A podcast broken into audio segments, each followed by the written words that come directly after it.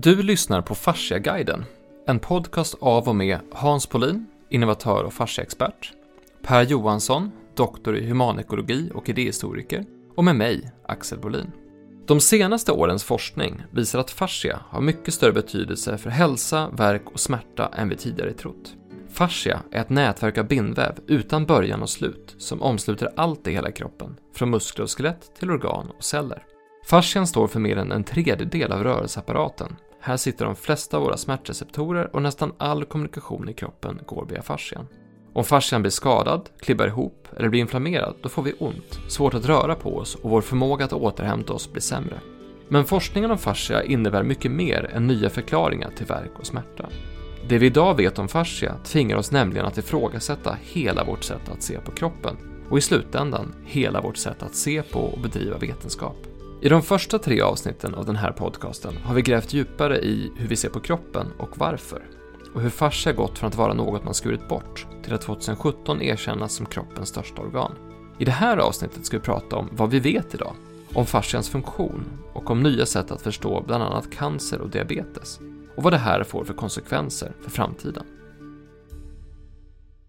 I förra programmet fick vi mycket historia till livs. Er historia, hur ni kom in på det här med fascia, en hel del också om fasciaforskningen och så vidare.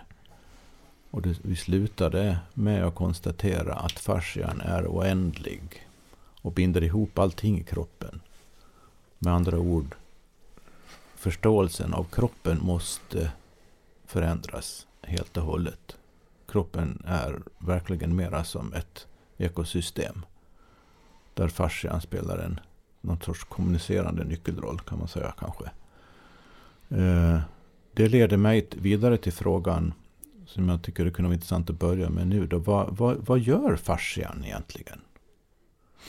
Mm. Vilka funktioner har fascian? Vad, vad gör den? Så som man vet just nu. Så det som är, vi kan bara repetera snabbt vad det är. Ja. Så det är alltså den extracellulära matrisen, alltså den struktur som finns utanför cellerna, utanför varje cell. Och det är också cellerna som skapar den här strukturen. Det är definitionsmässigt vad fascia är för någonting. Eh, det är den nya definitionen. Mm. Men sen finns det en, en, man har känt till det här ganska länge och då har byggt upp en, en eh, beskrivning av vad, vad den traditionella funktionen är. Och då är det dels en, ett strukturellt stöd, alltså organens upphängning och placering. Det ser till att saker sitter på rätt ställe. Cellens död. Ja, precis. Men att, att saker sitter där det ska. ja, på alla nivåer. Ja, enkelt. på alla nivåer. Mm. Eh, sen är det kontakten mellan vävnader. Så att om någonting ska kommunicera med någonting annat så blir det via fascian. Det är gränssnittet ganska bra. Så Eh, I princip kan man säga så här då, om, om, om, om njurarna behöver kommunicera med hjärtat så är det via fascian. Ja, Och det, precis. och det sker också. Det är det precis också. det som händer alltså. Precis. Och så sen så är det ett skydd av organ. Så att det kan vara olika hårt och mjukt för att det ska skydda olika saker.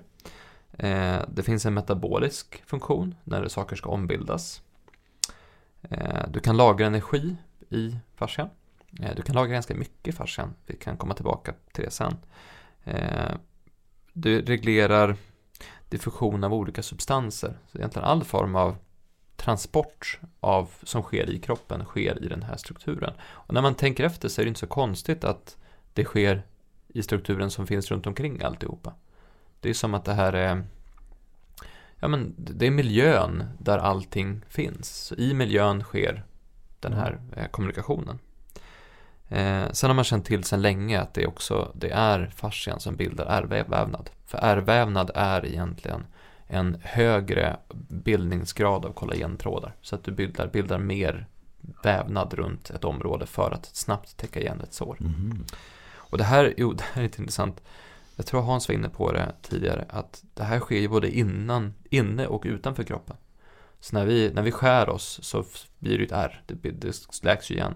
Men det här händer ju också inuti. Men det har vi svårare att förstå, att saker läker på insidan också. Ehm, sen kommer vi till nya kunskapen då. Och det är signalöverföring och smärtledning av nervvävnad som löper i fascian. Det visade Langevin 2001, 2006 och Schleip visade 2010. Ett alda på båda. Ehm, så att kommunikation, nervsystemet agerar med fascian också. Eh, det finns en, en bild av att, om, om de flesta kanske har en bild av, av högstadiebiologin, att, av hur en eh, synaps ser ut. Så du har en nervcell och sen är det som en svans på den här. Och då tänker man att, att nervsignalen går i den här svansen till nästa nervcell. Men, men det där är snarare eh, failsafe-systemet, alltså bakdörren ifall saker inte ska fungera som det ska. Mhm. Därför att nervsystemet använder sig av fascian för att kommunicera snabbare. Så runt den här synapsen så finns ju eh, bindväv såklart, för runt allting så finns bindväv. Så fascia omsluter allt. Och fascian leder ju också elektricitet, precis som, och nerv, en nervimpuls är ju en elektrisk signal. Då hoppar den, så att den tar en genväg genom fascian. Så den Aha. hoppar från nervcell till nervcell istället för att gå genom kanalen. Och Och det går fortare då eller? Ja, man brukar säga att eh, nervsystemet är ungefär 60-150 meter per sekund, någonting sånt där. Men fascian är 1500 meter per sekund. Mhm. Och det var, Hans, du kan inte berätta om hur du, hur du äntligen fick svar på var det kom ifrån. Ja, alltså, men, men jag, jag, jag, bara en analog, en, en sak inom det. Att det som man, man, man tänker på att och man har visat hur fort hjärtat reagerar och vilka signalsubstanser. Så att det finns ju hjärn, alltså nervceller i hjärtat också. Och hjärtat reagerar fortare än skallen. Eh, och eh, den är alltså när vi, när vi eh, när vi är beredda för någonting eller ser någonting så går det fruktansvärt fort när vi när vi gör någonting. Det kan gå jätte, jättefort att, att reagera som en stridspilot ska göra, något fort. Det där går så fort, vissa saker går så fort så det är svårt att förstå hur fort det går. Och det går för fort för egentligen det paradigmet som finns idag. Jag tror att det som är egentligen intressant med fascian är att den använder, kroppen använder det den behöver för att köra det den behöver göra just nu. Och då finns det en, en forskare som heter eh, eh, vad är han heter nu då? Thomas Finn? Thomas Findlay. Thomas Findlay startat Fascia Research Society med, med en annan. Så jag satt i ett webbinar med när vi ska göra en studie. Och jag lyssnar ganska mycket på föreläsningarna och så säger han att farsan kommunicerar 1500 meter per sekund. Och då har jag letat och letat och letat. Var har han fått det ifrån? Och då frågar han, du, jag har ju, du har ju sagt att farsan kommunicerar i 1500 meter per sekund. Var har du fått det ifrån? Vad roligt du frågar, sa han. Vad roligt du frågar. Varför då? Ja, det är hastigheten som ljudet har genom vatten. Ja. Så, så det är ingenting som det inte behöver forska på utan så är det. Det, det, det är grundfakta. Och då känner jag mig lite dum. Men då är det så att om fascian, om ljudet genom vatten så kommer ju kroppen att använda det snabbaste sätt att kommunicera som den har att göra. Det är en tryckvåg då alltså? Mm. Ja, och, men det kanske finns annat sätt som fascian. Om fascian leder, om vatten också leder, leder ström Mm. eller ljus så kanske vi kommunicerar ljus också. Då går det det. ännu fortare. det. För ljuset kommer, får, kan ju också spridas. Så att det här handlar, det handlar bara vilket perspektiv vi egentligen tittar på. Men det som jag tror att, jag tror att kroppen använder det som alla perspektiv som behövs. Den har givetvis eh, en kemisk kommunikation. Men det man har tittat att eh, att cellen kommunicerar även mekaniskt. För om jag rör i någon, då kommer det hända grejer. Jag var på ett, ett det var ganska intressant, jag var på en sån här bäckenbotteninstitut i Tyskland och skulle studera. Eh, jag var inbjuden dit av Heikki Jäger och det kan vara roligt att du följer med dit. Och det var sådana specialister i bäckenbotten, det som sitter längst ner där som vi har. Men framförallt så har ju kvinnor problem med det. Där kanske vi också, där har vi kanske med inkontinens och sånt där, så kanske män också har. Men då hade man tittat på att det fanns mycket problem med eh, att, att de här kvinnorna fick inkontinens och då kunde man mäta det genom att stoppa in en sond i slidan och så sen skulle de knipa. Och knep de då, då, då kunde de träna den här muskulaturen med den här sonden som de visade hur mycket det var. Och då så var det en kvinna som gick ut och eh, eh, tog av sig och satt in den där, ska vi titta? Och så skulle de knipa och se hur mycket de kunde göra. Och precis när de kom in, så var jag och en osteopat, så var det, det första jag gjorde var att jag skulle titta efter om bäckenet var rakt. Så fort jag tog i henne så reagerade sonden. Mm. Alltså bara en prrr. Alltså så fort den andra, vi, vi behöver röra så här. Alltså bara enkel beröring så, så, så reagerar sonden på en gång. Men jag satt hit maskinen, då reagerade inte sonden. Utan den förstärktes, alltså, el, alltså den förstärktes, utan maskinen förstärkte kniprörelsen. Men vi, vi störde kniprörelsen genom att vi påverkade hela systemet. Ha. Så så fort vi rörde i en axel så, rörde, så, så reagerade sonden som var i, i lim, alltså i slidan. Så att jag tror kroppen kommunicerar på alla möjliga olika sätt, vilket som är snabbast, vilket som är enklast. Eh, att, att, att hjärnan använder elektro, alltså, har fe, alltså signaler som fungerar, alltså en, en rörelse, det är eh, elektromagnetisk, eh, vad kallas det för, E, den här, där man mäter hjärnfrekvensen med hur hjärnan jobbar. EEG. EEG. Mm. Det är ju el. Det är klart att så är kroppen också. Så att hur kroppen kommunicerar, den gör nog allt möjligt. Men det som är... Det som är intressant är när man börjar titta på just någonting man inte börjat titta på tidigare. Du, du är inne på Hans och pratar egentligen om, om en vidareutveckling av, typ av det här. När man tar det som vi faktiskt känner till nu rent anatomiskt och faktiskt börjar förstå det här utifrån ett större perspektiv. Om du tittar på just fysiken i det så blir det annorlunda. Det har ju inte de här gjort, som jag sitter och läser upp en lista på nu, utan då pratar man om, de har gjort samma typ av uppdelade tester som har gjorts. Det här är liksom traditionell västerländsk forskning. Eh, men även där har de hittat ganska intressanta saker just hur, hur fascian eh, underlättar glidförmågan. Det här med att det finns runt muskelbuntar som jag pratade om i förra avsnittet. Det har man ju tittat och det hittade Stecco 2015. Ehm, och hur det stabiliserar och balanserar upp kroppen hittar man först 97 och sen Stecco 2015 och Bibeck som vi pratade om hittar också det här 2000, 2015. Ehm, och att, men, att han har en förmåga att anpassa sig till fysiologisk stress. Och även psykologisk stress har man också sett. Ehm, och, hur, hur då anpassa sig? Eh, den förändras. Så att om jag, om jag utsätter dig för stress så förändras strukturen. Okay. Eh, och då är stress... Den sammandrar, den, den, den, den komprimerar. Eh, alltså det, det finns olika...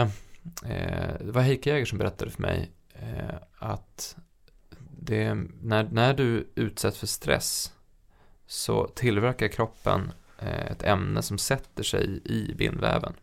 Eh, och det här ska du få ut. Om du tänker tillbaka till naturen, så att om jag blir stressad, då kanske jag möter en björn eller något i skogen. Mm. Då gör jag oftast två saker. Alltså antingen så bestämmer jag för att nu ska jag slåss med den här björnen. Då får jag ett adrenalinpåslag och så sen så går det igång och så kör vi. Eller så flyr jag. Mm. Jag står inte still, alltså jag gör ju inget, inte ingenting, mm. utan det, någonting gör jag. Eh, och när jag då springer och flyr, som jag kanske gör när jag möter, jag skulle göra det när jag möter björn i alla fall, då, eh, då tas det här ämnet ut, då, då, då görs, gör jag av med det. Men idag så är ju björnen som vi träffar är ju, det kan ju vara eh, ett e-mail som kommer, som är björnen, som är stressen. Så att jag sitter vid en dator och får det här mejlet. Egentligen ska jag bara resa mig på att springa då, liksom, så fort jag blir stressad på jobbet. Men det gör man ju inte. Utan vi springer ju i väldigt ordnade former efter jobbet eller sådär, när vi kanske inte alls är stressade. Det, ja, men det ska inte ut direkt. Ehm, men det som är intressant är att forskningen och de kliniska synsätten får fokusera mycket mer på biomekanikens hårdvara. Alltså hur, hur ser det ut? Inte hur det fungerar, utan hur det ser ut. Eh, och det saknas forskning för formuppbyggnad, för, för formbarhet. Det finns inte mycket om skillnad mellan eh, arter och kön. Eh, det finns inte mycket om eh, alltså, fyrfota djur jämfört med vanliga djur. Finns det någon skillnad? Finns det några likheter? Så att det är ganska, det finns jättemycket, men det är väldigt begränsat. Eh, men det vi har gjort när vi har tittat på behandling och sett, men vad, vad, vad, vad vet vi så vad, om vi tittar på vad forskning säger och så försöker vi utgå från det när vi gör en behandling så kan vi säga att det finns eh, Har du eh, ryggverk till exempel, då har du en annan en alternerad struktur i din ryggfascia, eller barfascia. Den, den, den är tjockare, den är, den är klibbigare om du har ryggverk. Eh, det visade Langevin och eh, Wilke. Och eh, Mensa har flera studier som visar att ja, men, har du ryggverk så så har du också inflammation i det området där du har ryggverk. Och egentligen så jag drog en, en enkel förklaring att om du tänker att du har massa, massa eh, ta dina fingrar, så varje finger är som en kollagentråd. Mm. Mellan varje tråd här så finns det nervändar. Om det här klibbar ihop, då hamnar ju nervändarna i kläm. För att det, det är sex gånger fler nervändar i fascian än det är i muskler. Det, det är en det är där nervsystemet sitter. Så de fria nervändarna som är Så man har inte ont, ofta inte ont i musklerna utan Nej, man har ont, i fascian helt enkelt. Man har ont i fascian. Det, och det är det här som är, jo, för det, vi pratade tidigare om det här med, med diffus smärta, eller vi har varit inne på det, att man inte vet vad smärta är. Nu vet man ju vad smärta är. Smärta sitter i fascian. Men om du inte ser fascian så ser du ju inte smärta. Um, det finns jättemycket forskning kring eh, hyaluronsyra. Alltså, eh, hyronsyra är ju en av de, de, de, substanser som finns i den här grundsubstansen. Så det är, en, det är en vätska som finns där. Och den är ansvarig för vår glidförmåga. Eh, så rörlighet och smidighet kommer från hyronsyra och den, den behöver man ombilda eh, varannan dag. Så man behöver hela tiden röra sig för att inte klibba ihop. De enda djur som kan, kan klibba ihop under längre tid är björnar, för de tillverkar hyronsyra även när de vilar, det gör inte vi. Det är därför du ser en, ett barn som stretchar, katt som stretchar, när, när slutar vi stretcha? Det är lite konstigt kanske. Eh, hyaluronsyra är också en, en icke-newtonisk substans, så att den eh, viskositeten, alltså densiteten på den här molekylen förändras eh, på grund av tryck. Så har du mycket tryck på ett område, då blir molekylerna mindre och då minskar deras förmåga att suga upp, suga upp vatten.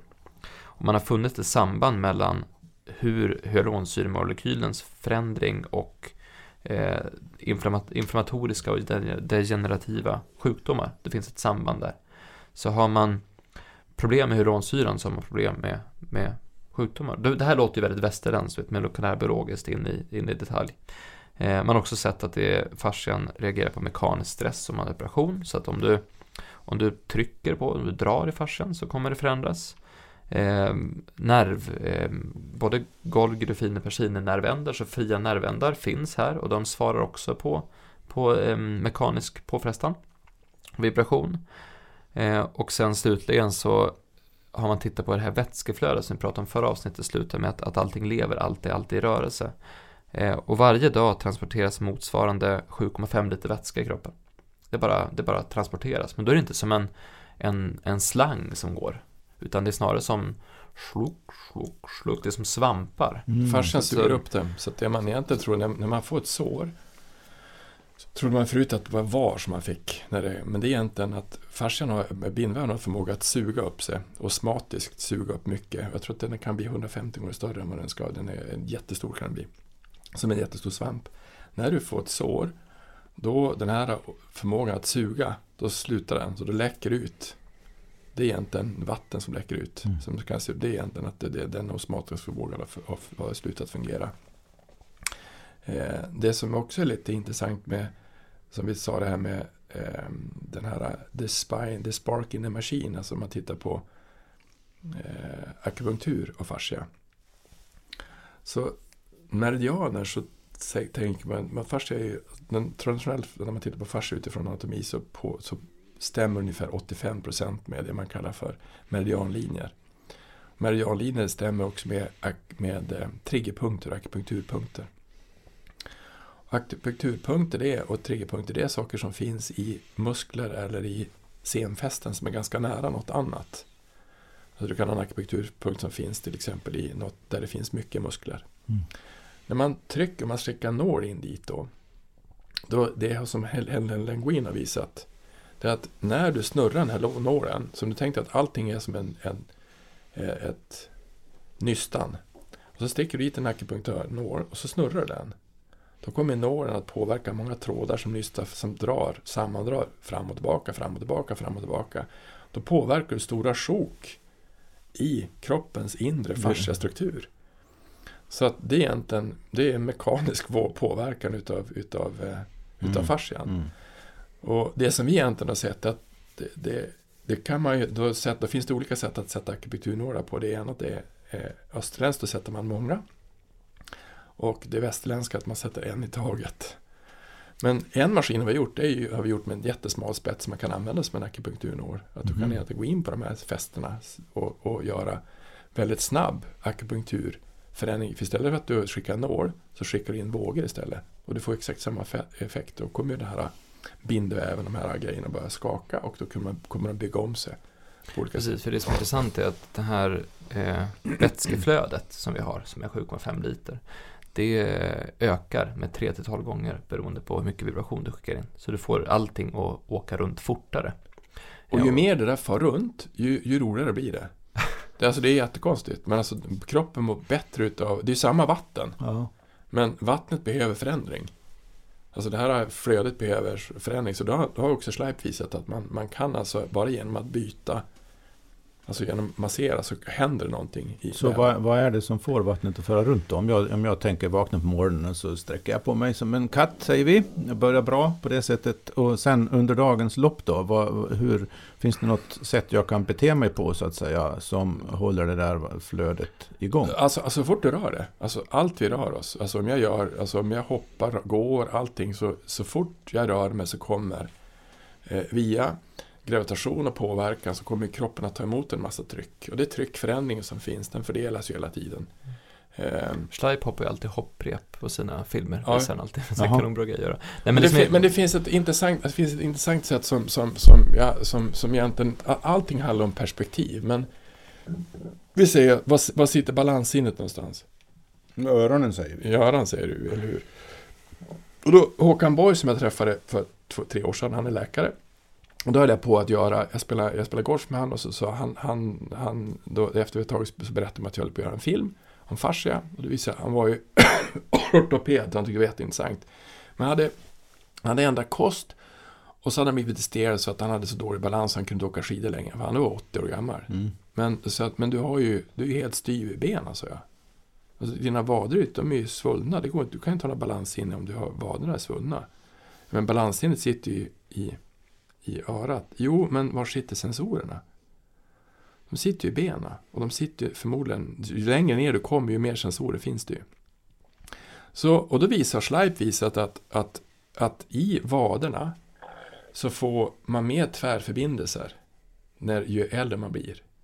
Och äldre människor faller och slår sig. Så lår, alltså bryter lårbenshalsen, byter massa saker för att de tappar balansen. Men har du har du en, en vad som en vad och benmuskler som är, som är flexibla och rörliga, mjuka, då kommer du inte att falla lika mycket. Och då sa han, det där lät ju logiskt. Så behandlade han, alltså jag hade med mig två maskiner, så jag behandlade han efter gången vi spelade golf. Och efter tre dagar, då hade han återfått sin balans och då ska han ut och dansa. Så, och, det går, och därför ser man att det går väldigt fort att, att ombilda ja, kroppen ja. På, på ett sånt sätt. Mm. Men, men och därför blir egentligen så kan man säga att om man ska ta eh, det vi lärt oss ifrån hästhoppning och ifrån framförallt hästhoppning och även som vi har tittat ifrån jag tror att det fanns en, en, en Manchester United-spelare som hette eh, Ryan Giggs. Ryan Giggs. Och jag tror att Zlatan gör det också. De som tränar eh, eh, yoga, yoga eller kampsporter, de blir väldigt flexibla. Och då, om du så säger att om du tränar, om jag som fotbollsspelare tränar någonting, eh, så tränar jag ganska monotont någonting som finns. Tränar jag då vid sidan av det som jag bygger upp kroppen, tränar jag då kampsport så kommer jag bli flexibel. Ju flexibel jag blir, så när de sparkar på mig och när jag gör saker och ting, ju mer stötdämpare jag har, ju mindre kommer jag gå sönder. Därför fascian är ansvarig för stöten. Ja, jag förstår. Så att egentligen blir det så att, så, och det är samma sak som vi gjort på hopphästar, att ju mer vi kan få dem flexiblare och rörligare, alltså mindre spänningar och tvärbindningar, ju, ju, mera, eh, ju mindre skadade blir de.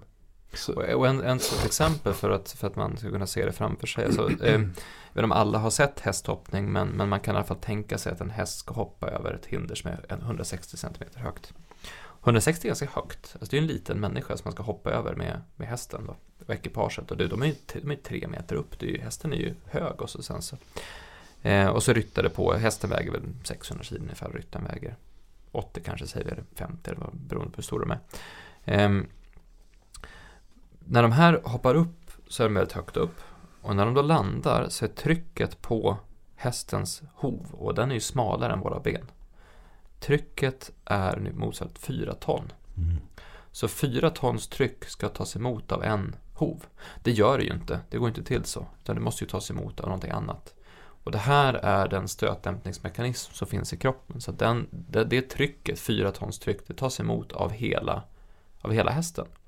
Och det är inte bara ett hopp de gör, utan de gör ganska många hopp på en sån här runda. Och då förstår man hur smart kroppen är när det kommer till stötdämpning. Men man förstår också vilka problem det skulle innefatta ifall någonting är snett. Sitter sadeln snett? Är ryttaren sned? Finns det en stor spänning i ländryggen på hästen? Är det ett bakben som spökar? Då kommer hela den här stötdämpningsförmågan att påverkas. Eh, men egentligen så, du brukar säga Hans, det här att liv är rörelse. Och Mm. egentligen blir det att rörelse stimulerar liv. Och liv är ju också ett flöde och flöde stimulerar liv. Och precis så funkar det i fascian också. Att ökar du vätskeflödet och ökar du rörelsen och vätskeflödet ökar du genom rörelse, då stimulerar liv. Och liv i det här fallet är ombildning.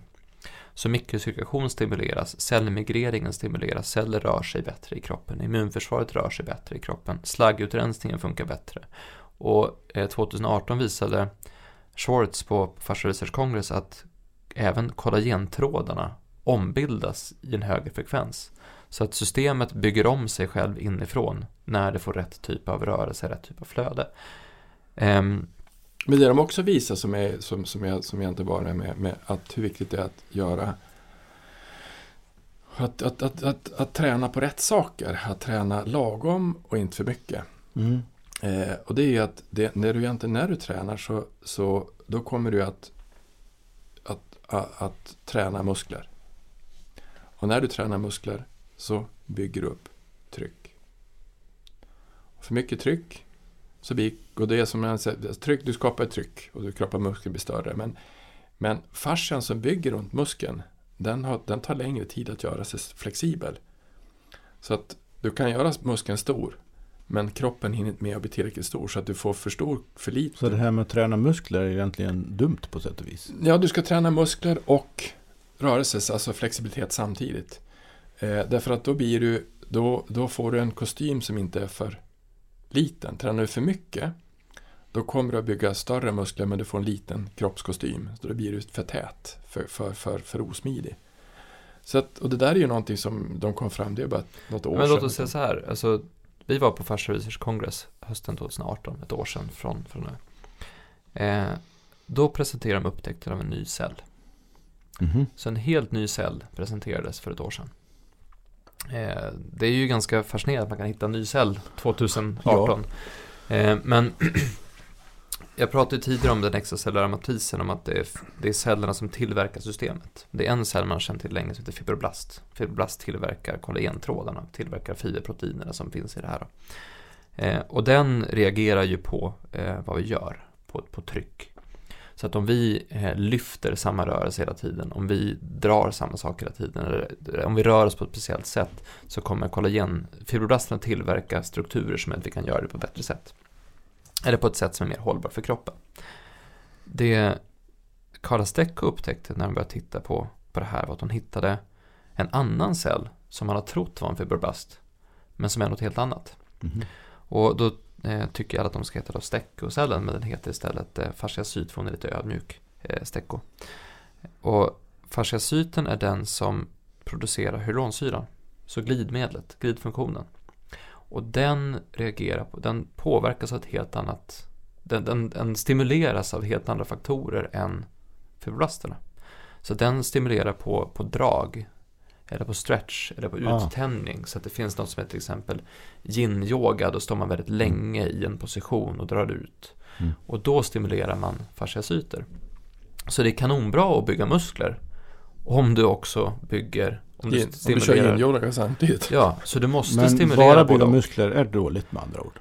Ja, du blir trång. Det blir trångt, det blir för kort. Det är som att ha på sig en för liten kavaj. Ja, ja, jag förstår.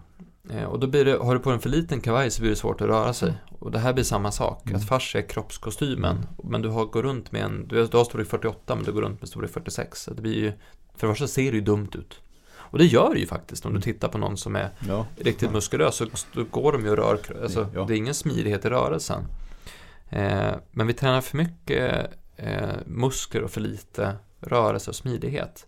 Och det märker man att de som är smidiga blir inte skadade på samma sätt. Så eh, du frågar om fascians funktion och det är ju fruktansvärt mycket funktion i kroppen men man har inte sett det på, på eh, man har inte tittat på det. Vi har ju sett på till exempel när man tittar på de som gör saker som är jag var annat, när jag började så, så träffade vi bryttare och då, då behandlade vi dem väldigt kort. Och så var det någon ryttare som kom till mig och sa att jag sitter ju helt annorlunda i sadeln nu och det såg inte jag direkt. Men då, alltså genom att de sitter så länge i en position och ska balansera på en häst. De sitter ju i en sittande position. Så blir de väldigt starka i benen och de ska ju klämma åt hästen. Och då blir de väldigt mycket påverkan på IT-bandet och påverkan på höftböjen. Så att de blir egentligen ganska korta. Eh, och då, då, alltså, tävlingsryttare kanske sitter 5-6 timmar om dagen i samma position. Och då är det viktigt för en sån att gå och träna andra saker, inte träna just det. Så Mm. de är inte svaga. Alltså, jag tror inte jag skulle kunna rida i en halvtimme ens. Alltså, det är jättejobbigt tydligen. Mm. Men när man tränar, det är samma sak som hockeyspelare gör eller som fotbollsspelare. När man tränar en viss position så ska man bygga en fascia, en kroppstrumpa som är på det sättet. Eh, det svåra då det är att, att det kommer medföra andra problem. Att man kan, man kan till exempel få ljumskproblem. Eh, man kan få problem med ländryggen. Man kan få problem med bröstryggen, med nacken. Man kan, ry- ryttare sitter också väldigt mycket och håller i tyglar, vilket gör att de får en väldigt mycket korta, eh, kort struktur här, alltså i bröstkorgen. Eh, allt det där till slut blir ju att för mycket för kroppen att göra. Så att kroppen är jätteduktig på att bygga det vi vill att den ska göra. Det är inte säkert att det vi vill att den ska göra är bra för kroppen. Alltså kroppen, alltså Ja, det, så att, för det kan bli för mycket. Mm. Så det vi egentligen såg det var att, att genom att, att, att eh, till exempel ryttare släppa på IT-band och, och höftböj och, och ländrygg så kan vi släppa det som de har gjort jätte, alltså de kanske har gjort det i ett år. Kan vi släppa på väldigt kort tid genom att bygga om det mycket effektivare med maskin. Eh, men, men jag tror att eh, just enformighet eh, är det som skadar mycket utav, utan alltså allting som jag tror att vi kan bli eh, vad heter, endorfinstinna utav att man tränar eller att man gör någonting. Men jag tror att egentligen så vill nog kroppen eller kroppen vill nog ha variation och, och nyhet och på ett annat sätt. Eh, Men det, det gäller inte bara elitidrottare, det kan gälla, eller ryttare, så det kan gälla kontorsarbetare också. Alltså det, det, var, det här var ju faktiskt på spåren väldigt, väldigt tidigt. Att någonstans kroppen har ju anpassat sig efter dig och vad du har bestämt att du ska göra med kroppen. Men det är ungefär så. Alltså kroppen ser till att, eh, jaha, du vill, du tycker det är viktigt att jobba åtta timmar om dagen vid ett skrivbord. Jaha, men ja, om du tycker det får jag väl ställa upp på det då, säger kroppen. Och så sen så bygger den en struktur som ska anpassa sig efter det. Problemet med att om du har en struktur som anpassar sig efter att du ska sitta framåtböjd så kommer du få en bröstkorg som är eh, mer ihoptryckt. Mm. Och får du en bröstkorg som är mer ihoptryckt så får du problem med andningen för lungorna får inte lika mycket utrymme. Och den samma ställning gör att du kan få problem för att det blir för lite ut- utrymme i buken. Så att, så att organen kommer också i kläm eller får inte tillräckligt mycket utrymme. Och om det inte finns utrymme för att andas eller utrymme för att, att organen ska fungera som de ska, då är det ju inte konstigt att förstå att de inte fungerar som de ska. Så du frågar, vad kan jag göra, vad kan jag göra då, förutom behandling i vardagen? Ja, man kan ju fundera över hur man, hur man lever. Alltså är det, är det, gör du det optimala för att din kropp ska fungera så bra som den ska? Och så kanske man kan vara lite tacksam för att kroppen faktiskt ställer upp och, och på alla våra konstiga grejer som vi håller på med. För egentligen är det ju så att vi håller på med mycket konstiga grejer. För om vi går tillbaka då till 2015 så var det ett möte med en person som var väldigt annorlunda. Apropå det här med vad man säger om forskning. Eh, och han heter Julian Baker. Och han har dissekerat massa kroppar och jobbat tillsammans med Jill Headley som jag nämnde tidigare som en av pionjärerna inom fasciaarbetet. Och han sa att vi håller på med en ny modell nu för hur man ska bedriva forskning. Därför det är skitsvårt det här. Därför att om du tittar på din häl nu och så tittar du på din häl nu så är det en annan häl.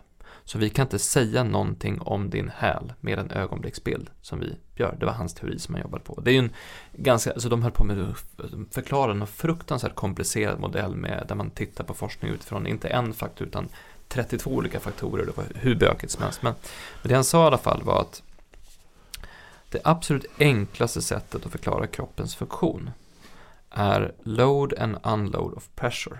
Alltså att ta emot och fördela tryck. Mhm. Ta emot och avlasta tryck. Så tryck är viktigt i det här. Och med åren har vi börjat komma på att alltså, tryck kan vara mycket. Det kan vara, det kan vara eh, det gravitationstryck som finns, vi ska prata mer om sen. Det kan vara trycket från att man har fallit och slagit sig, att man ramlar av en häst eller halkat. Det kan vara trycket i en hastig rörelse, som när man till exempel spelar fotboll och byter riktning. Eh, men det kan också vara tryck som i, jag känner en tyngd över mitt bröst just nu, därför att jag har ångest. Eller tryck som i att eh, jag känner mig stressad, som det här vi pratade med björnen, att man, att man möter på en björn i vardagen.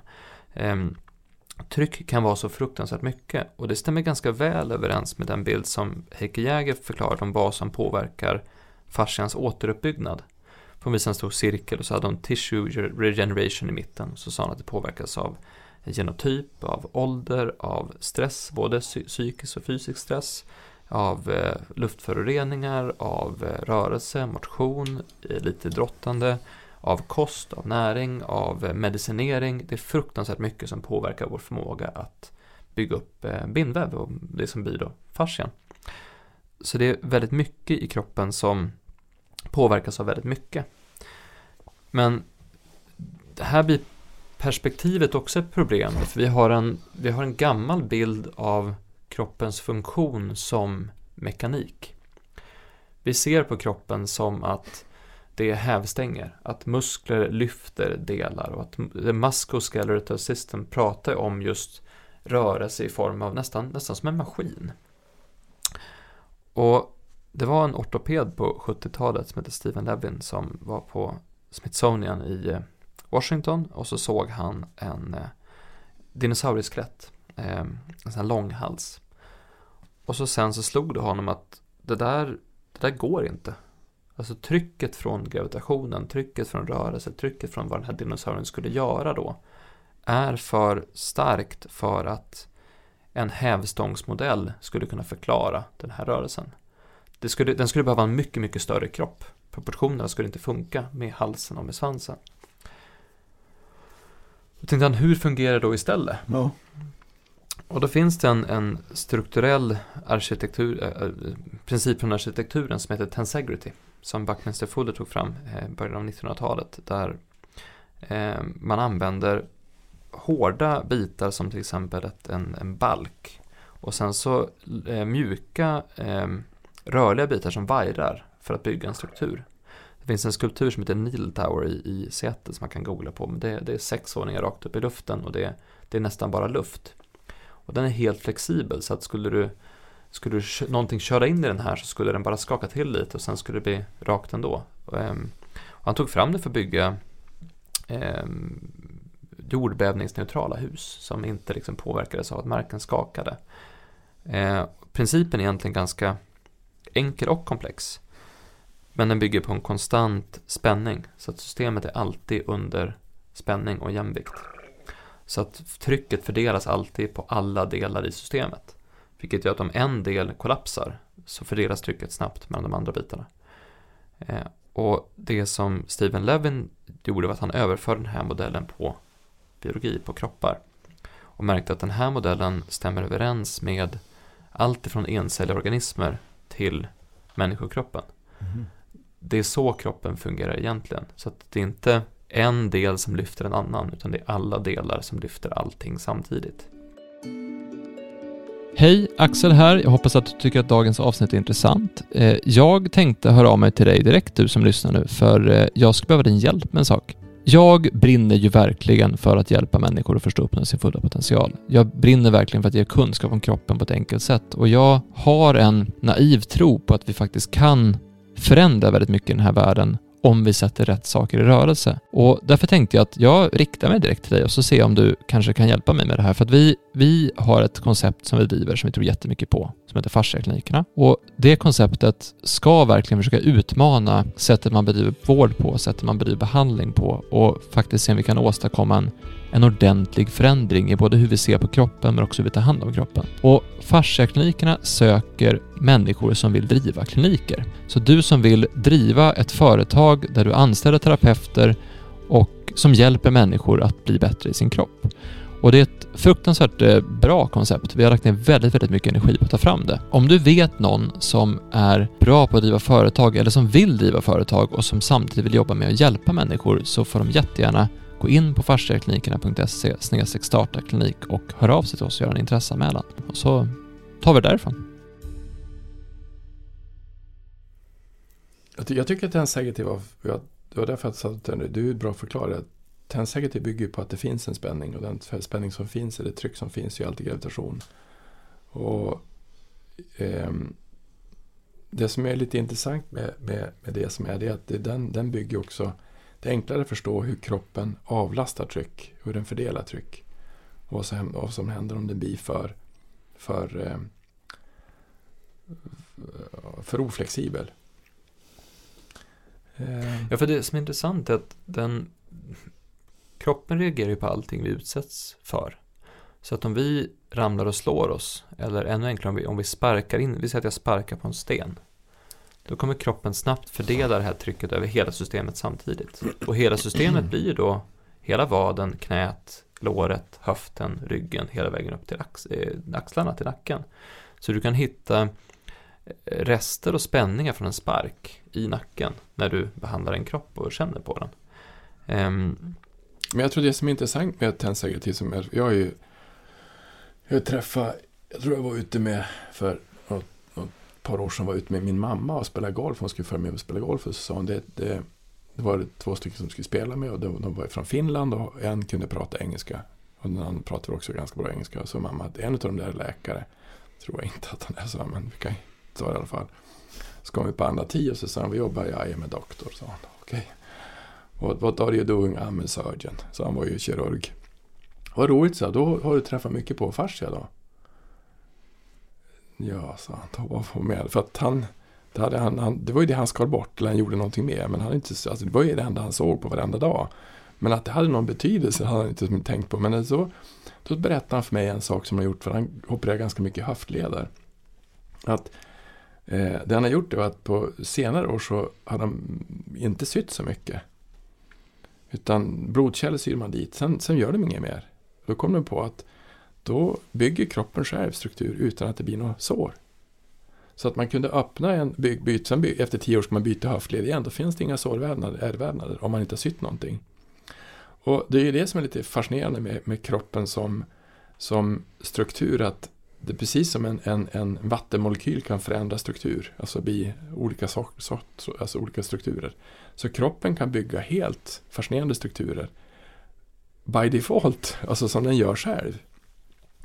Och eh, det är ju lite fascinerande att, att, att den gör det konstant hela tiden för att till exempel klara av ett fall eller klara av en stöt. Alltså om jag, om jag slår någon av er på en axel så kommer den tryckvågen att fara iväg någonstans och det är ju faktiskt en tryckvåg.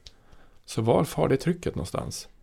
Så vi är en Tensegrity-modellen tycker jag är ganska intressant för att när man, jag tror att du har något, vi har något klipp på det på vår hemsida. Trycker man, tar man bort saker och ting så funkar den. Men den blir oflexiblare. Men om du får ett benbrott, då får du en chockvåg. Det skakar hela strukturen. Då skakar hela strukturen om. Så eh, Tensegrity är väl egentligen svårt att få in i, i den i, i, det, det, är svårt att få in det för att vi tittar inte på det. På, på, på, för det är en, muskelskeleton bygger på skelett och muskler. Organ och separation. Men Tensegrity bygger på att allting är en helhet och allting jobbar ihop. Det är en ihop. fysisk modell. Ja, den är sätt. extremt fysisk. Men det är därför det kan ha varit så svårt att... För det, det kom, de kom på det på 70-talet. Men jag sökte häromdagen och det är fortfarande lever system, hävstångssystem som man pratar om. Är det för att det är en fysisk modell som den har haft så svårt att komma in tror du? Ja, hävstångsmodellen är också en fysisk modell i och för sig. Ja, det är det i och för sig. Så det är, en, det är en annan del av fysiken som blir relevant då. Att hävstångsmodellen måste ju komma från att man har, som du nämnde, att man har tänkt på det mekaniskt helt enkelt. Mm. Som, som en mekanisk maskin, grävmaskin eller någonting. Fungerar ju enligt den principen. Mm.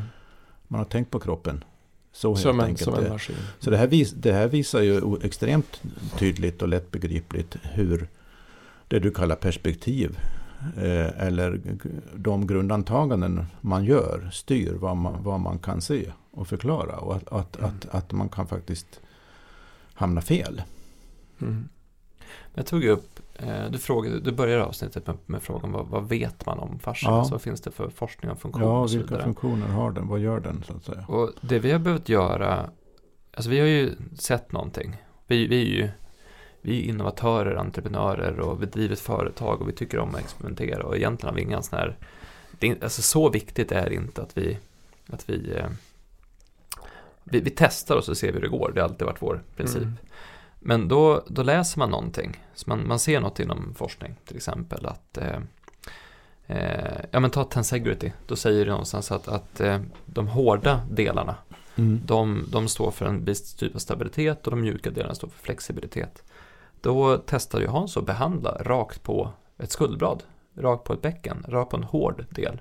Och började få allting att börja skaka. Och det gjorde att behandlingen vart, alltså det som kanske tog en timme tog istället tio minuter. Det var så fruktansvärt mycket mer effekt för du fick det som en resonanslåda så att allting började skaka.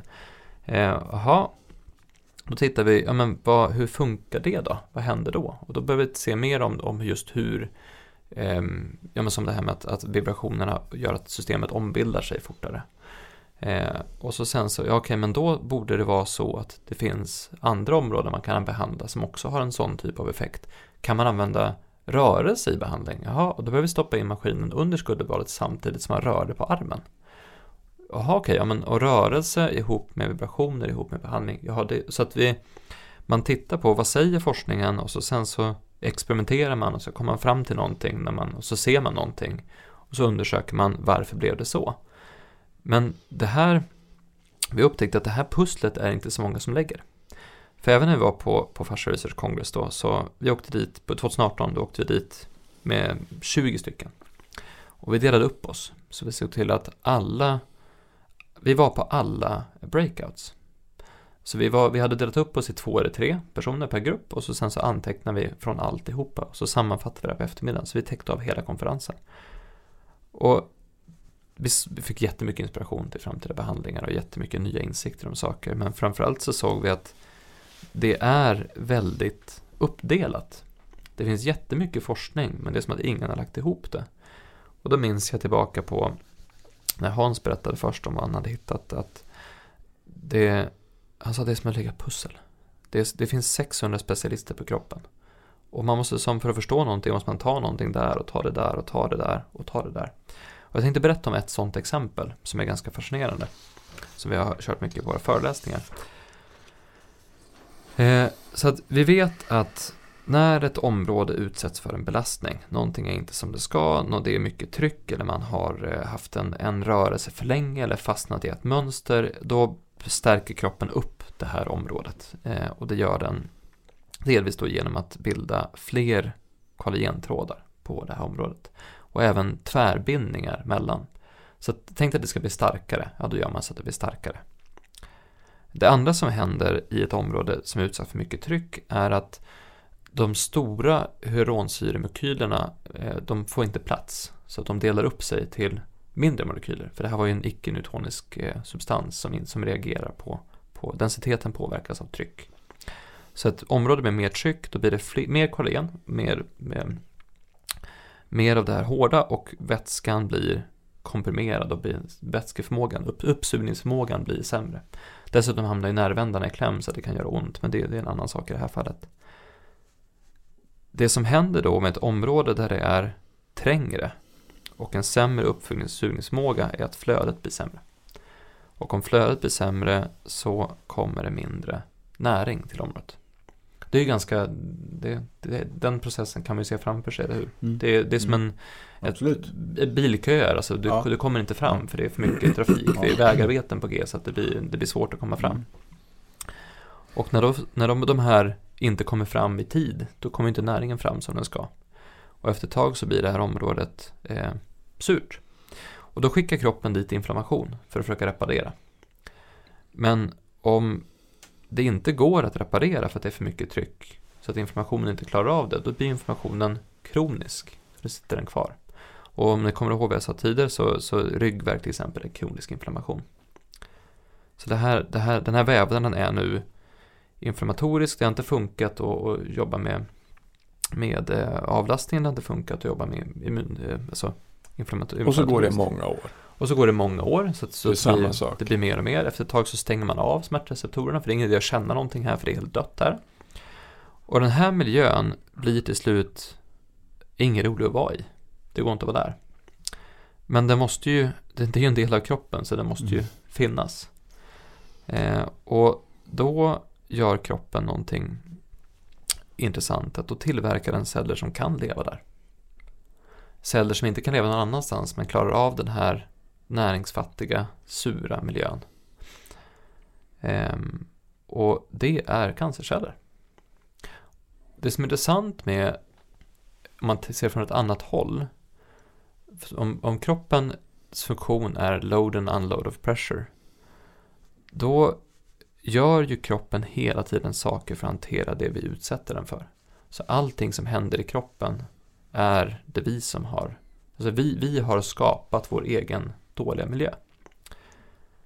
Och Meadow Schwartz visade att de här cancercellerna de kommer in i lymfsystemet och immunförsvaret i lymfsystemet tar inte bort dem. Och beskrev det som att det är som att en tjuv går in på En polisstation. en polisstation och säger här är jag, men du får inte ta mig. De blir som nästan, de blir, de blir hypnotiserade. Eller nästan, alltså de vet om att de är där. Mm. Men de har gjort ett, ett, någon typ av, av information som gör att de kan inte bli an- angripna. Ja. Men det är inte så konstigt om då, om då den här tumören, den här, den här hårda vävnaden som finns, om Mm. den är i närheten så är den byggd utav kroppen. Så då säger cellerna att vi får ju vara här, Mm. eller hur? Då säger lymfan, det verkar ju så, för ni är där. Eh, och då ehm, Eh, och då har hon då tittat, hon är den, en av de forskarna som tittar på, och hon tycker det är fascinerande med att lymfan som är våran, alltså poliser och de som gör allting, visar hur det, här, hur det går till, alltså i en polisanalogi. Vad de gör för någonting, att de har en, en, en central och så sen så, nej det var bara en katt, ingen fara. Eller var det terrorister, då skickar de dit skottstyrkan som gör allt ifrån, ifrån att kolla på katter till att kolla på, och egentligen så är ju det som är riktigt farligt är ju cancer. Men det är ju någonting som är, kroppen har byggt. Så därför är det inte så konstigt att, att lymfan säger att det är okej.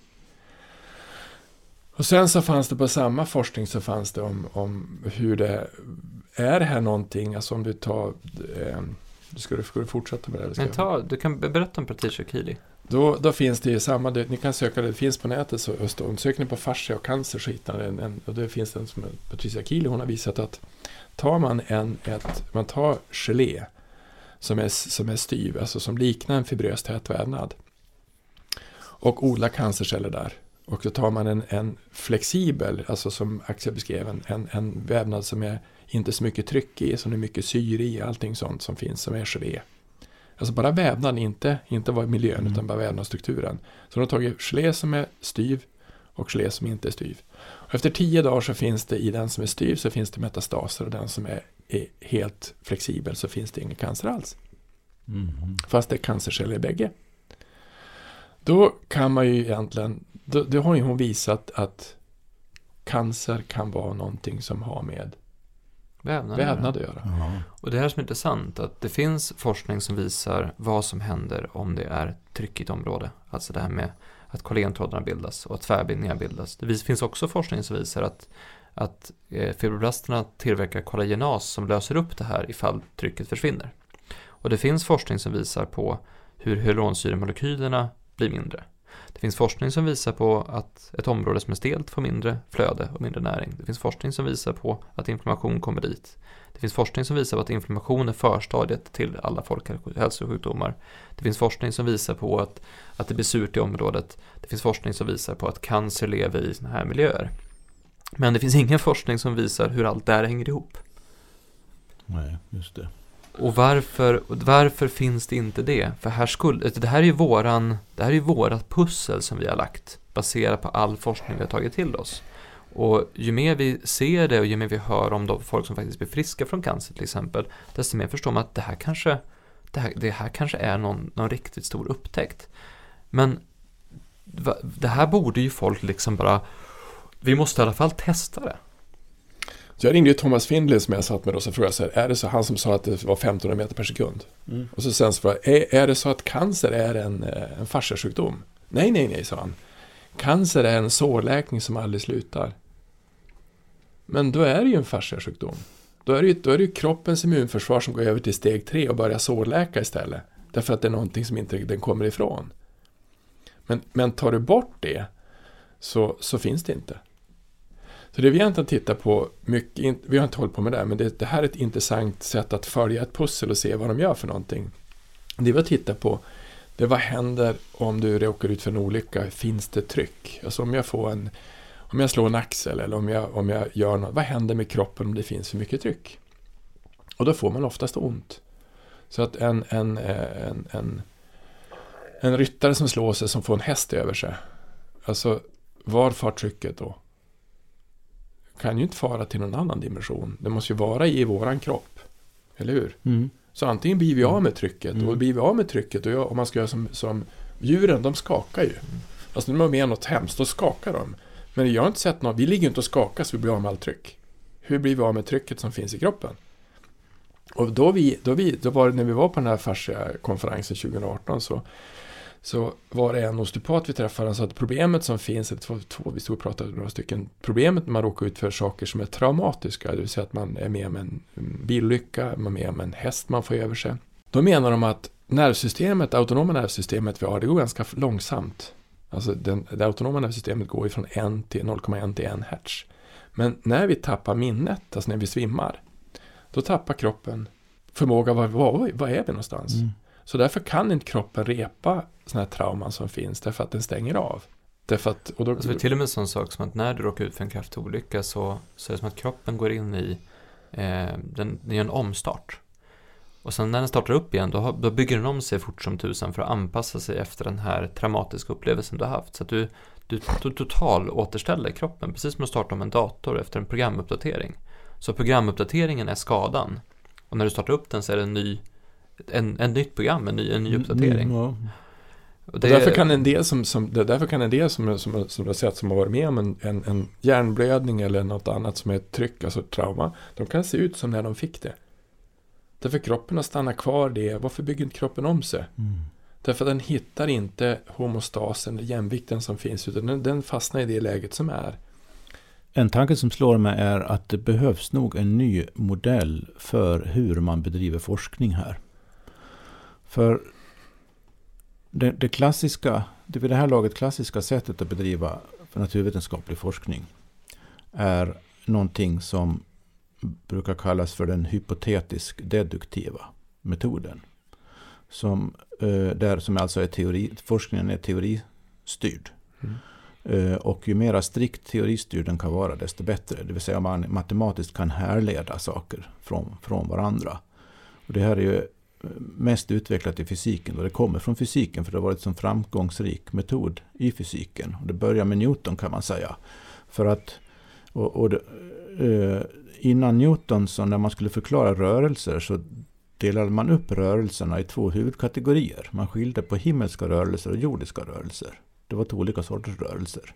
Eftersom de olika planeterna befinner sig i himlen så är det en sorts rörelse. Och när man till tappar någonting eller kastar en sten eller någonting på jorden så är det en annan sorts rörelse. Mm. Så himlakropparnas rörelser och vad som händer med kroppar på jorden är två helt olika saker. Det där var man helt övertygad om ända sedan antiken, fortfarande på 1600-talet, när Newton började fundera. Då, då, kom han på att varför ska man tro, tänka att det är olika rörelser? Det är kanske är samma alltihop. Så han ändrade det grundantagandet. Och, och, och det gjorde det möjligt för honom att formulera sin gravitationsteori som förklarar både himlakropparnas rörelser och varför saker och ting ramlar ner när man tappar dem. Mm.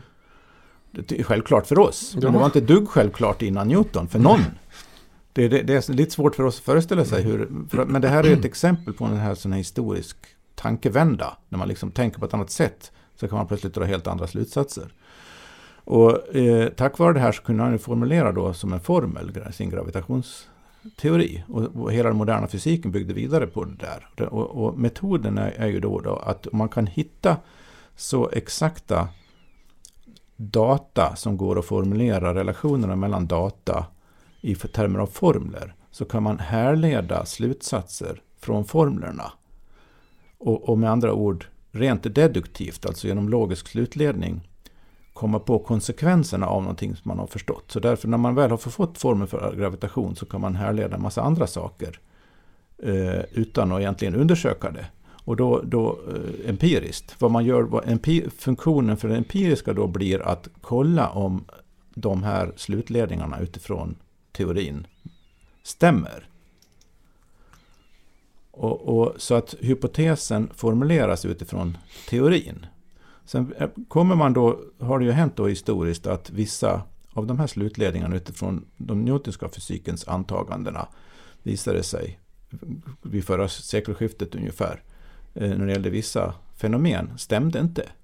Alltså när man eh, empiriskt skulle testa mina experiment om den och den slutledningen för hur det borde fungera, stämmer eller inte, så stämde det inte. Mm. Vad nu då? Liksom?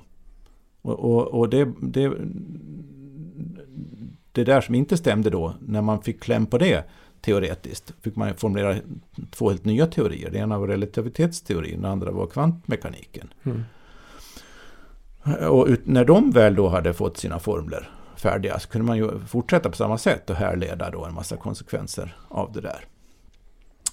Det här den här hypotetisk deduktiva modellen för hur man bedriver forskning har sedan överförts till i stort sett alla andra naturvetenskapliga områden. Allt från biokemi till evolutionsteori. Mm. Eh, och det betyder att det blir en väldigt teoribunden, strikt logisk teoribunden typ av, av instruktion för hur man bedriver forskning egentligen. Eh, och man har, man har inom en sån ram lite svårt att hantera det som inte stämmer överens med de grundläggande teoretiska antagandena. Eh, så det betyder att om det, om, om det är någonting som avviker från det hela, som inte går att härleda från de teorier man har. Och härledningen behöver inte vara så extremt strikt som den är i, i, mycket, eh, är i hög grad i fysiken. I biologin är ju härledningarna mycket mindre strikta egentligen, för det är mycket mer komplexa saker man har att göra med. Men ändå. Om det nu då som i fasciaforskningen och allt det här nu ni har gett exempel på saker och ting som verkar ha med varandra att göra. Eh, den sortens frågeställningar när man har att göra med väldigt komplexa system med till synes skilda observationer som man liksom intuitivt kan tänka, ja men det, det måste hänga ihop mm. på något sätt. Där någonstans, och det här, det här är bara en, en tanke som slår mig mer eller mindre nu, där någonstans är ju frågan om, om den här hypotetiskt deduktiva metoden för hur man ställer upp experiment och varför och så vidare funkar.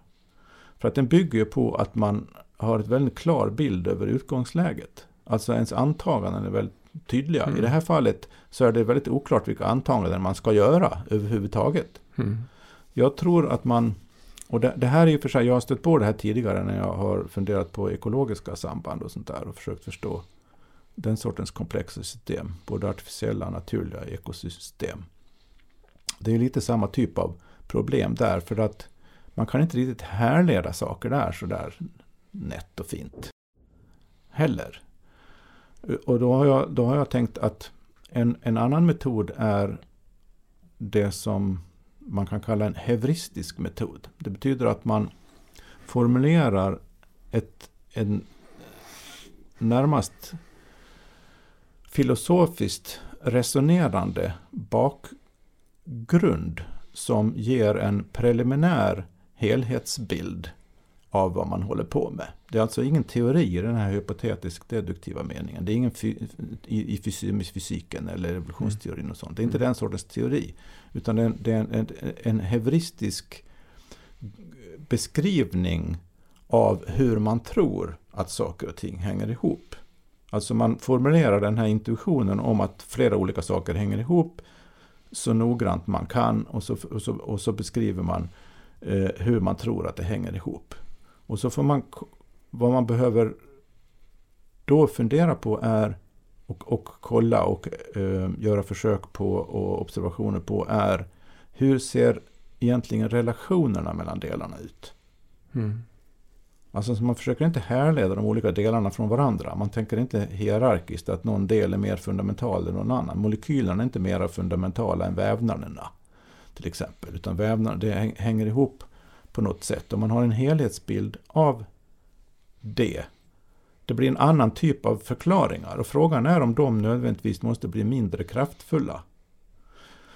För att det, det, finns, en, det finns en sorts evidenskrav inom normalt sätt att forska på som är att om du inte kan härleda det till någon fundamental existerande teori som till exempel darwinistisk selektionsteori, eh, eh, olika grundteorier inom biokemi eller fysik. Om du inte kan härleda det till det, alltså det är egentligen den reduktionistiska metoden, så har du inte bedrivit riktig vetenskap. Mm. Och frågan är om, om det, det, är väldigt, det är egentligen ett filosofiskt antagande man gör då. Frågan är om det håller för att förstå sådana här saker. Det, håller, det, det, det, det är ett perspektiv, ett förhållningssätt, ett krav på vad som anses vara strikt forskning som gör det möjligt att bedriva vissa typer av forskning. Upptäcka vissa saker. Se mm. vissa saker mm. extremt tydligt. Mm. Så att det är inte så att det är fel. Det är liksom fel och rätt det inte, har inte med saken att göra här. Nej. Utan det, det, är frågan om, om vad man överhuvudtaget kan få tag i. Och om, om det nu då visar sig att den här typen av observationer av komplexa system inte går att, så att säga, få tag i på det här sättet. Så kanske man behöver ett annat sätt mm. att, att se. Jag tror att det som gör, det måste vara så förklaringen att man måste, man måste förmå hitta en sorts sätt att göra det på för att de här, bägge, några av de här forskarna har provat att prata med om det där. Mm. Och de ser det inte så som jag gör. De ser det inte alls på samma sätt. Utan, och det tror jag är mycket att, att man är fast i, eller man sitter fast i ett sätt att göra saker och ting på. Och då blir det nog väldigt svårt att, att om, om nu det här är ganska nytt, vilket det är, att det finns ingen början och slut. Eh, det är ett, ett helhets, en helhetsstruktur på hela kroppen. Det som du sa, det kanske är det bästa sättet att beskriva kroppen på. Vad kroppen egentligen gör för någonting. Eh, det förmedlar el. Eh, det, det går förmodligen med ljudets hastighet, kanske med ljusets hastighet i kommunikation i kroppen. Då är det många andra modeller, och kemisk också. Mm. Då är det många, så det är både, både med det gamla sättet att se på det och det nya sättet att se på det. Men nya sätt att se på kanske inte vi har sett på. Då blir det ju då blir det ju ett paradigmskifte som är ganska svårt att, att, att se på och man förklara. skulle kunna säga att man behöver vidga ramen inom vilken man tänker på den här specialiserade forskningen. Som det har blivit nu så har den blivit normen för vad som är riktig forskning. Mm. Och det är, ju, det är ju riktig forskning. Jag säger, ja, ja, ju, inte att, jag säger ju inte att det är inte är riktig nej, forskning. Nej, nej. Men, men om, om den tillåts som har hänt vara så att säga kriteriet och normen eller ramen för allting som förtjänar namnet forskning som gör att man förstår någonting. Det kanske är det antagandet snarare än forskningen i, själv, i sig som man måste överge. Alltså man, mm. man måste vidga, vidga ramen för hur man tänker helt mm. enkelt. Mm. Man vill säga så här då. För nu, i det här avsnittet har vi pratat om du frågar vad har fascian för funktion? Ja. Och det var ju som att öppna Pandoras ask. Ja, exakt. Vi, vi har ju suttit och pratat om ja, hur mycket som helst. För det, det här, vi har läst så fruktansvärt mycket olika saker och försökt koppla det på många olika sätt. Men när du nu pratar om att man tog fram en matematisk formel för gravitation till exempel, eller för relativitetsteorin, eller för saker man har kommit fram. Och den, den formeln har sedan blivit en teori som man har kunnat härleda saker till. Jag tänkte direkt att tänk om, om vi skulle använda fascia som formel.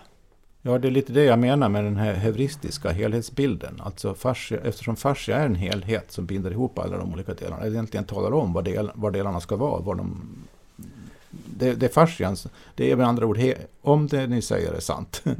så är det fascian som förklarar delarna.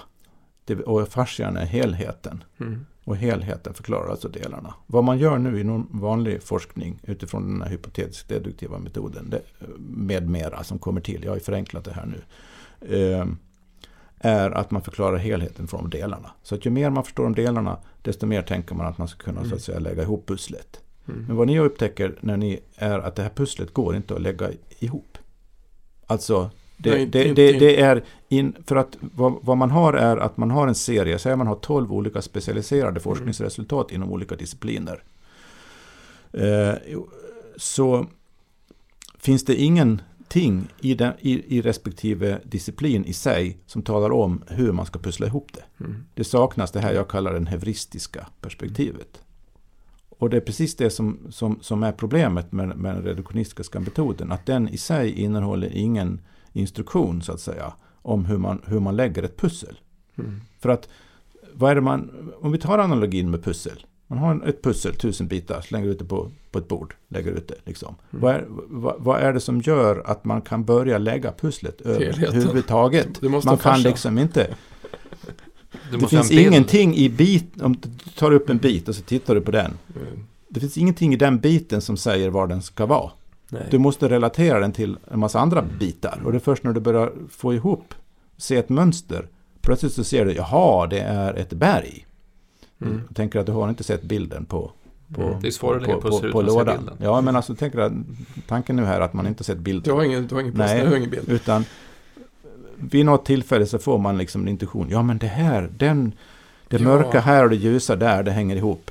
Och så Men det börjar, var, jätte, det det ta... var en jättebra förklaring. ta har fram, man, ingen, man har ingen bild. Nej, och det är, den här, det, är, det, det är den intuitiva bilden man alltså får Just det. som man måste utgå ifrån.